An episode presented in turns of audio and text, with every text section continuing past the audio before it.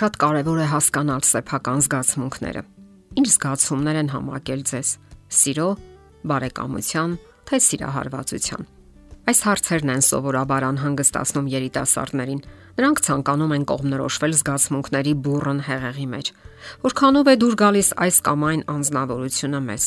Մենք սիրահարվել ենք, թե պարզապես բուրըն հույզեր եւ ողքեվորվածություն է համակել մեզ Նկատենք, որ այնքան էլ դժվար չէ որոշել, երբ ուշադրություն ենք դարձնում որոշ նրբությունների։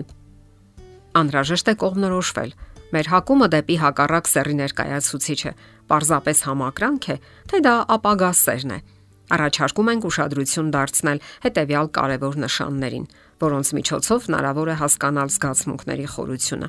Ասենք նաև, որ որոշ անznավորություններ կարող են հենց առաջին նշաններից հասկանալ, որ դա սեր է Իսկ ահա ոմանք էլ ժամանակ է հարկավոր, որ կողմնորոշվեն թե իրենց եւ թե ընկերոջ զգացմունքների մեջ։ Երբեմն հնարավոր է շփոթել սերը նրա կեղծ դրսևորումների, այսպես կոչված թակարդների հետ։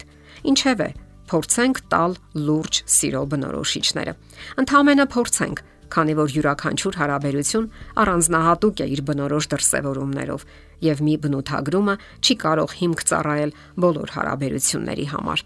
Եվ այսպես, որ դեպքում է սերը բավականին լուրջ։ Դուք ավելի հաճախ եք օգտագործում մենք բառը։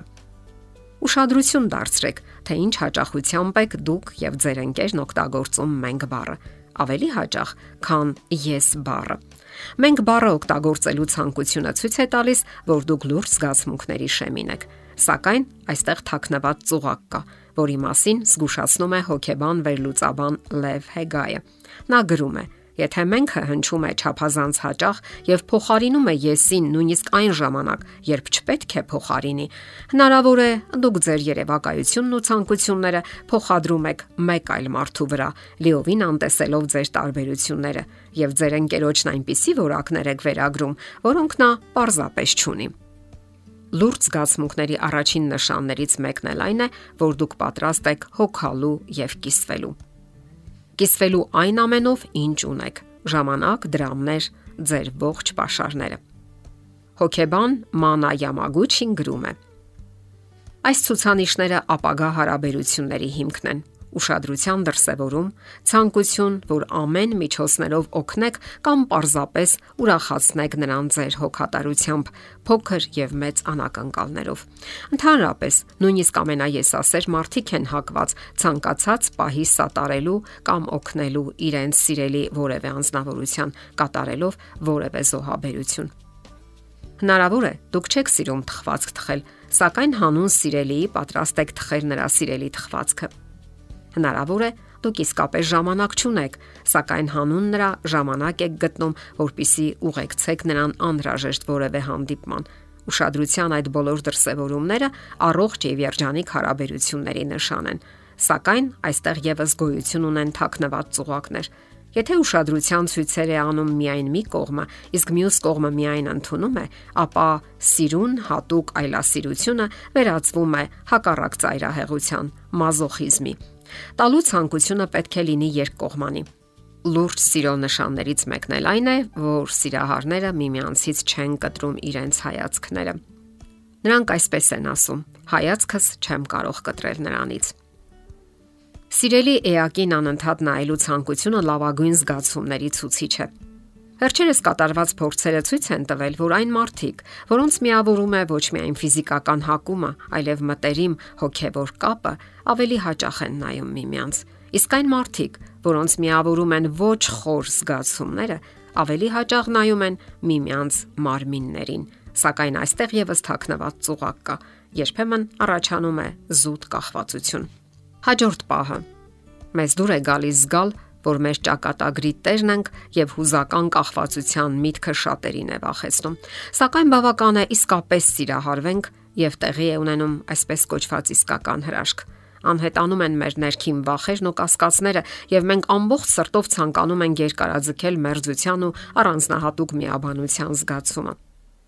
Իսկ այս դեպքում անհրաժեշտ է զգուշանալ այն բանից, որ փոխադարձ կախվածություն չառաջանա եւ չկորցնեք ձեր անկախությունը եւ զգույշ եղեք, որ ընկերը չդառնա ձեր կյանքի իմաստը։ Լուրջ սիրո նշաններից եւս մեկը։ Դուք հաճախ եք նկատում միմյանց նմանությունը։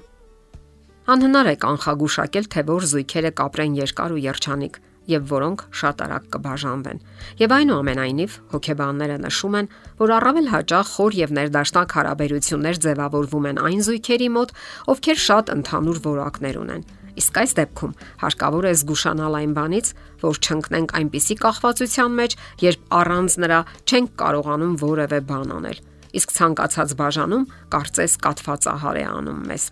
Դուք պետք է ամբողջություն գտնեք միայն ձեր ներսում, այլ ոչ թե մեկ այլ անznավորության հետ։ Հաջորդ պահը՝ դուք մշտապես զգում եք միմյանց կարիքը։